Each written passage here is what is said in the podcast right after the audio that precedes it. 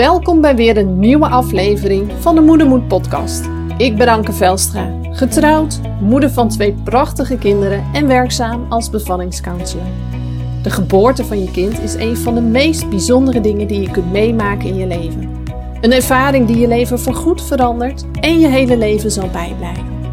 Juist daarom is het belangrijk dat je met een goed gevoel op je bevalling kunt terugkijken. En dat is ook wat ik iedere vrouw gun. Helaas is bevallen niet voor alle vrouwen één grote roze wolk.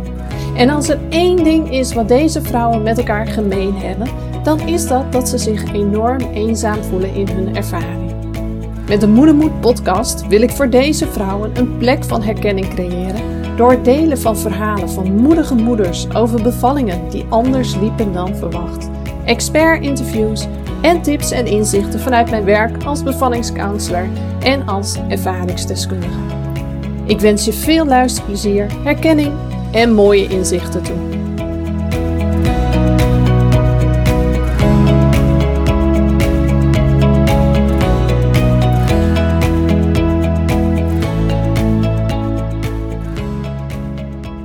Hoi, wat leuk dat je weer luistert naar een nieuwe aflevering van de Moedermoed podcast.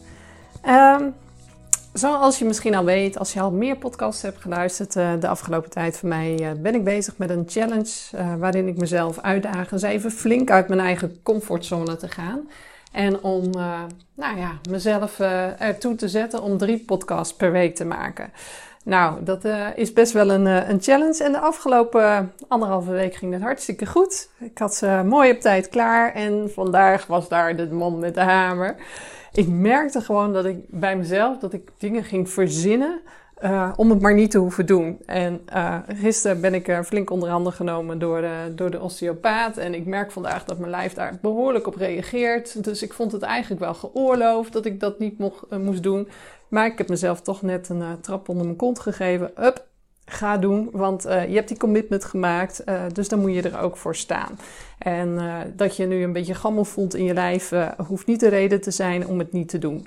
Je kunt ook een podcast opnemen met een, een gammel lijf. Oké, nou goed, alles omver gegooid, alles omver geworpen. En nou, hier ben ik dus om toch een podcast op te nemen. Maar het is ik vind het wel leuk om te zien en om te merken wat er gebeurt op zo'n moment. En hoe makkelijk je jezelf eigenlijk ook weer om de tuin kunt leiden om toch wat anders te doen dan wat je jezelf had voorgenomen. Om af te wijken van de afspraken die je hebt voorgenomen of uh, de wensen en verlangens. Uh, nou ja, dat zie ik uh, ook best wel heel veel gebeuren natuurlijk in voorbereiding op bevallingen. Maar dat is waar ik het vandaag niet over ga hebben. Ik uh, wil het uh, toch vandaag over een stukje trauma hebben. En dan zul je altijd zien, terwijl ik deze podcast uh, aan het opnemen ben, word ik gebeld. Dus ik laat hem lekker even rinkelen. ik bel straks wel even terug. Want ik wil eerst mijn verhaal afmaken. Um, ja, ik wil het dus heel graag hebben over een, over een stukje trauma.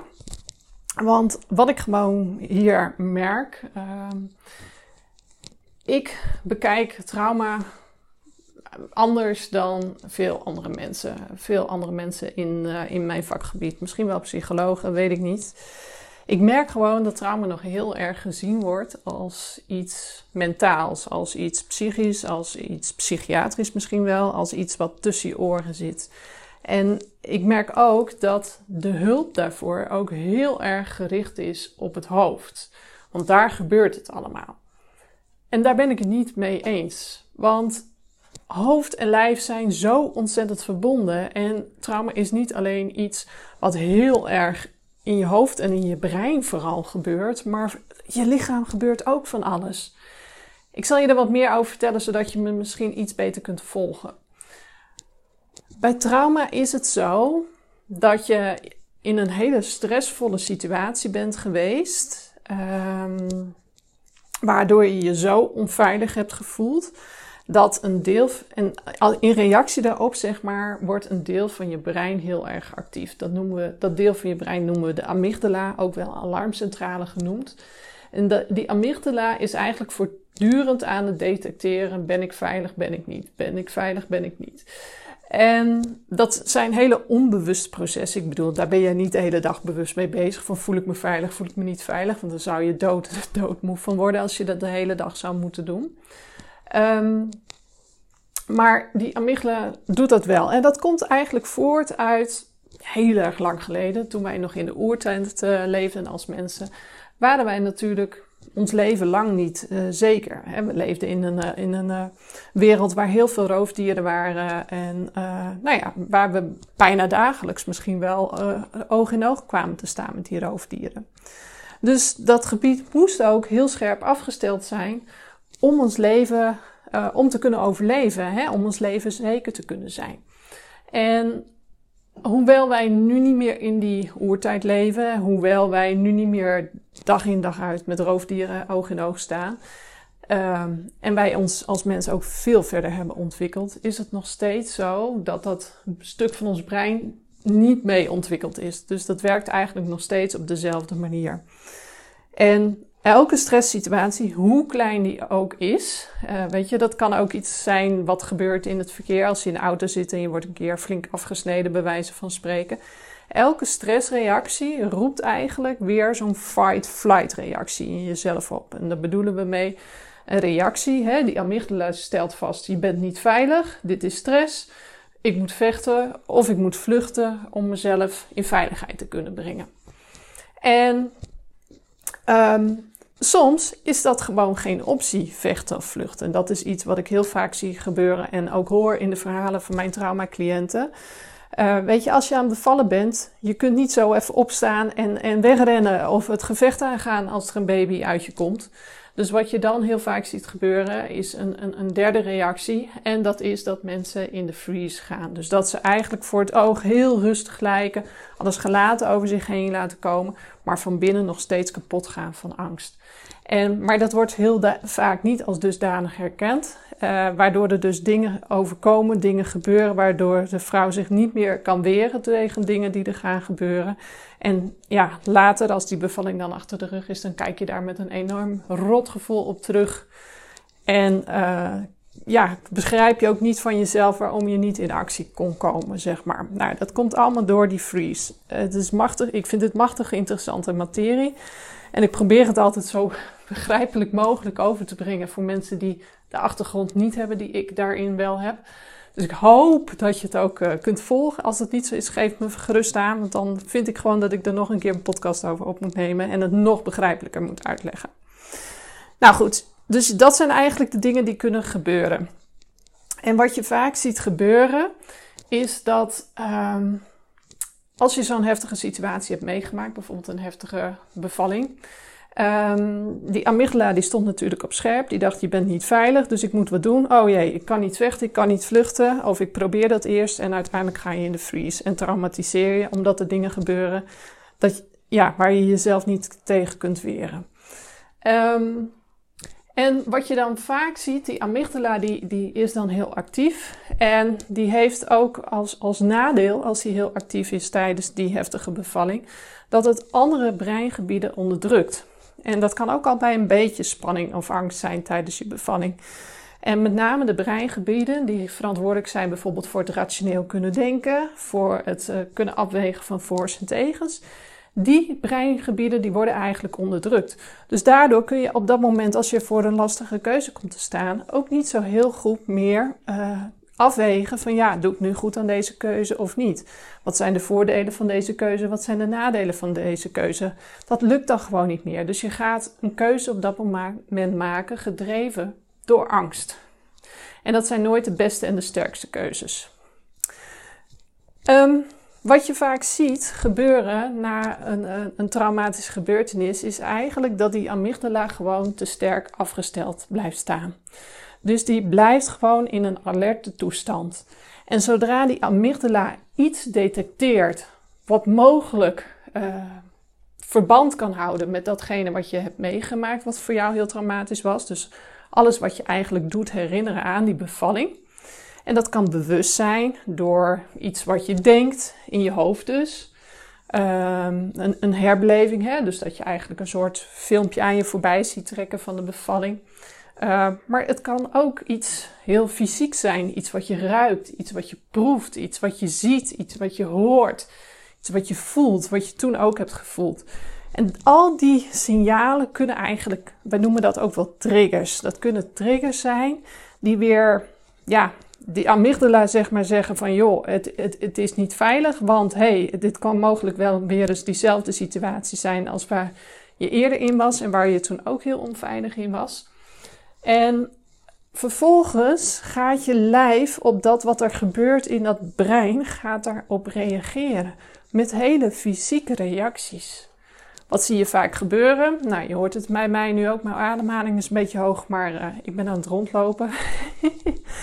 uh, en ik heb momenteel een beetje last van mijn astma. Dus uh, dan is het wat lastiger om, om wat diep door te ademen.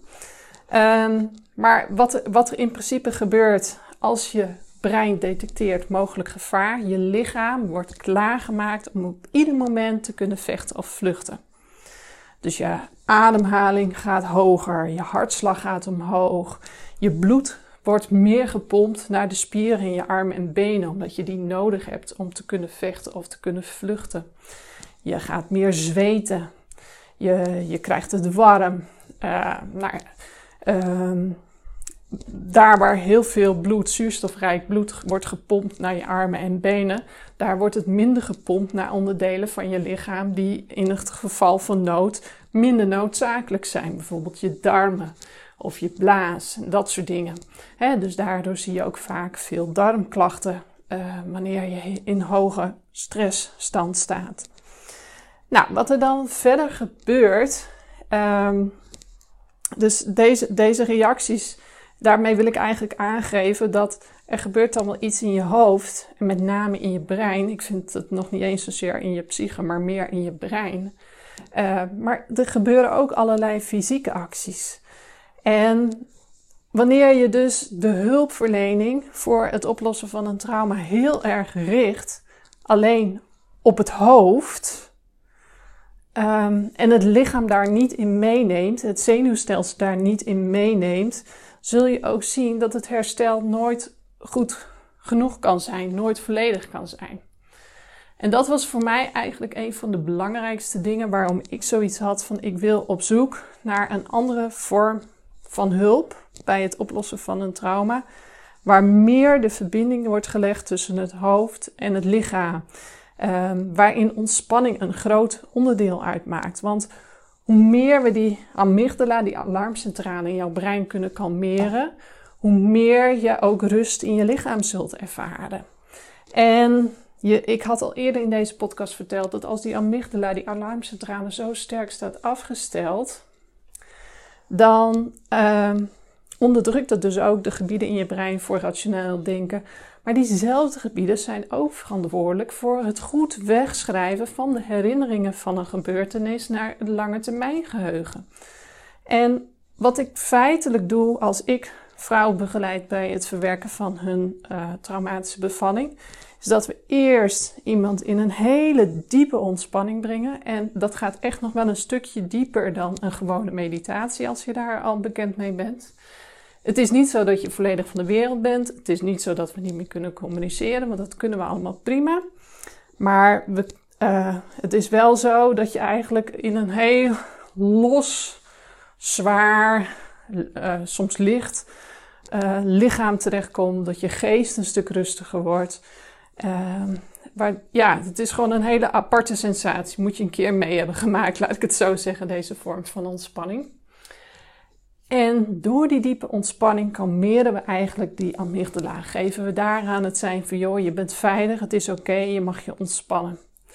En als we vanuit die ontspanning dan ook uh, het stukje trauma verwerken gaan doen, en dat is feitelijk teruggaan naar de momenten die zo heftig voor jou zijn geweest, de herinneringen daaraan.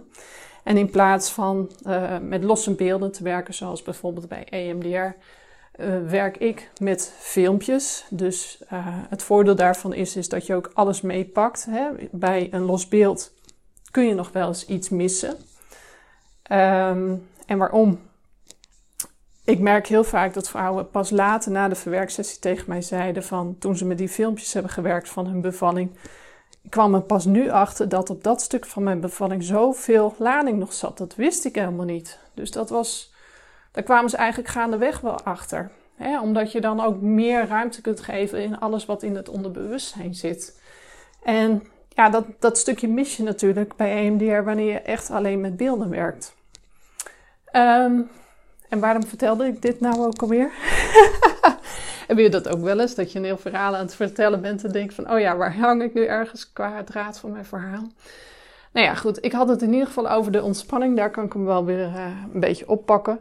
Um, dus je nodigt eigenlijk dat lichaam uit om die diepe ontspanning in te gaan. Om je amygdala eigenlijk te kalmeren. En als je dan teruggaat naar die momenten van je bevalling en je gaat er naar kijken, nodig je eigenlijk uit om je brein uh, ja, die ervaring zeg maar alsnog goed weg te laten schrijven naar het lange termijn geheugen. En dat lukt op dat moment ook een stuk beter, omdat die ontspanning er is en omdat die amygdala, die alarmcentrale, niet zo hyperactief staat afgesteld. Ehm, en eigenlijk is dat gewoon heel plastisch wat ik doe, wat ik faciliteer, want je doet het uiteindelijk zelf. Uh, weet je, ik kan mezelf op de borst kloppen van nou, ik ben de therapeut. Dat is gewoon geen naam die bij mij past. Ik zie mezelf meer als een begeleider, als een, uh, iemand die faciliteert. Maar eigenlijk ben jij zelf de eigenaar van je eigen herstelproces. En dat, dat gaat gewoon ontzettend vlot. Weet je, als je dit doet, dan, dan ben je gewoon in drie sessies klaar. En dan zijn gewoon die heftige gevoelens die gekoppeld zijn aan jouw bevalling een heel stuk minder. Nou, uh, ik denk wel dat dit ongeveer is uh, wat ik erover wilde vertellen. En uh, ik hoop dat ik je hiermee ook heb uit kunnen leggen waarom ik naar trauma niet alleen kijk als iets wat in je hoofd zit, uh, wat je tussen je oren zit, maar dat er vooral ook een heel fysiek proces mee verbonden is geraakt. En ja, dat je die twee niet van elkaar los kunt zien. En dat het daarom dus ook belangrijk is dat je fysiek iets doet om het lichaam te laten ontspannen, de geest te laten ontspannen, om zo dus ook de verwerking uh, ja, een zo goed mogelijke kans te geven om zijn werk te laten doen. En dat is een uh, iets andere benadering dan uh, veel vakcollega's van mij. maar goed, weet je, uiteindelijk gaat het erom um, dat je een manier kiest um, die bij jou het allerbeste past. En misschien denk je na het horen van deze podcast zo van ja, maar dit past echt niet bij mij, dit klinkt me veel te zweverig of weet ik wat. Weet je, dat is ook prima, daar, daar gaat het helemaal niet om. Maar het kan ook zijn dat het juist iets in je triggert, dat je denkt van hé, hey, ik, ben, ik ben nieuwsgierig, dit is wel heel anders dan de meeste anderen ermee werken, daar wil ik wel iets meer over weten. Nou, mocht dat gebeuren, uh, schroom niet. Stuur me even een berichtje via mail, via social media. Een privéberichtje mag ook. Uh, en dan kunnen we gewoon eens een vrijblijvend uh, kennismakingsgesprek in plannen. Daar uh, reserveer ik graag een half uurtje voor in mijn agenda. Dan kan ik een beetje een stukje van jouw verhaal beluisteren in grote lijnen. en dan vraag ik je wat verder door om te, in beeld te krijgen, zeg maar, hoe het je nu nog beïnvloedt in je huidige leven. En daarnaast uh, kan ik nog wat verdiepende vragen uh, stellen om echt goed inzicht te krijgen van ja, waar zit je nu eigenlijk? Hè? En ben ik wel de juiste persoon om je verder te helpen? En als ik dat denk te kunnen zijn, op welke manier dan? En uh, dat is het inzicht wat ik je geef in zo'n gesprek. Dus het brengt je altijd wat. En heb je op basis daarvan zoiets van, nou, ik zou graag met je verder willen werken, dan kan dat. Dan kunnen we een afspraak in plannen. Heb je zoiets van, nou, het wordt hem niet, dit is niet voor mij, of ik wil er nog even over nadenken, is ook allemaal prima. Dat kan allemaal. Als je wel graag wil starten, dan is mijn streven eigenlijk altijd om je binnen twee tot drie weken in te plannen voor de eerste afspraak. En tot nu toe lukt dat eigenlijk bijna altijd. En heel veel mensen vragen dan van hoe kan het dan? Want je helpt best wel heel veel mensen. Ja, dat klopt. Maar doordat mijn trajecten heel kort zijn, ze duren maar uh, drie sessies en die plannen we binnen een maand tijd, is de doorlooptijd ook ontzettend kort. En kan ik dus sneller achter elkaar weer nieuwe cliënten aannemen als dat ik uh, met mensen in traject zit van uh, 10, 20 sessies achter elkaar. En dat is wel een heel verschil. Dus uh, zolang, ik, ik zeg dit nu wel, maar misschien tegen de tijd dat je dit luistert, noem maar wat, over een jaar of twee jaar verder, dat ik dat niet meer helemaal kan uh, handhaven. Maar goed, dan ga ik wel op zoek naar andere opties. dat ik misschien mensen me kan laten ondersteunen om dat alsnog te kunnen doen. Want ergens vind ik dat gewoon wel belangrijk. Dat op het moment dat je de keuze hebt gemaakt, oké, nou is het klaar en ik ga er wat aan doen, want ik kan niet meer op deze manier verder. Dat je dan niet op een wachtlijst van drie maanden terechtkomt en zo lang moet wachten op, op geschikte hulp. Want dat, ja, dat gaat gewoon ten koste van zoveel dingen. En dat is op het punt waar je nu bent ook al ten koste gegaan van heel veel dingen. Want je beslist niet zomaar om hulp te zoeken. Dat, dat, dan moet er iets zijn waardoor je gewoon je niet lekker in je vel zit, waarin je, waardoor je heel veel klachten hebt en dat soort dingen. Dus dat is wel. Uh, nou, en als je dan in de wetenschap dat je daar dan ook nog mogelijk drie maanden mee rond moet lopen, omdat je, ja, hoe zal ik het zeggen, uh, niet eerder terecht kunt en op een wachtlijst terecht bent gekomen. Ja, dat, dat voelt voor mij gewoon niet goed. Dus dat is voor mij een hele belangrijke voorwaarde. Dat ik mensen gewoon snel kan opstarten, zodat ze snel, uh, snel aan de slag kunnen. En ja, in principe zijn ze binnen een maand klaar. En binnen een maand uh, mag je al enorme verlichting ervaren in de, in de klachten die je hebt. En ja, weet je, helpt mijn techniek 100% voor iedereen? Nee, nee. Mijn percentage is wel heel hoog en dat heeft er ook alles mee te maken uh, dat ik heel veel kennismakingsgesprekken vooraf voer en dat ik op basis daarvan al een hele goede inschatting kan maken of iemand een goede kandidaat is voor mijn manier van werken of niet. Um, maar ja, het gebeurt heel enkel wel een keer dat het het niet doet. Maar er is geen enkele behandeling in Nederland, ook niet voor andere ziektes en aandoeningen, die 100% voor iedereen werkt. Dus dat is bij mij ook zo. Maar ik kan je echt wel uh, vertellen dat het percentage heel hoog is, omdat ik al een grote schifting doe aan de voordeur. En ik zeg wel eens nee tegen mensen. Ik ben ook altijd eerlijk als ik denk van ja, maar ik, hier kan ik niks mee. Of uh, nou, geef dit echt nog even de tijd, want uh, de kans is heel groot dat zich, dit zich vanzelf herstelt. Of soms is iemand bij iemand anders toch op een betere plek. Dus dat zal ik dan ook altijd zeggen. Nou ja, dat was uh, even nog een, uh, zijspoortje waar ik weer op ging. Ik heb daar wel uh, een beetje een abonnementje op, geloof ik. Maar dat heb je wel eens. Maar heb je na het luisteren van deze podcast zoiets van... Nou, ik ben, ik ben echt wel geïnteresseerd. Laat me dan weten via een DM op social media... of via een mailtje via contact.ankevelstad.nl Hey, heel bedankt weer voor het luisteren. Ik vond het fijn dat je er weer was. Uh, ook al uh, zie ik je niet. dat is altijd wel een gek idee. Uh, en ik zou het heel leuk vinden om je weer als gast te mogen uitnodigen voor de volgende podcast.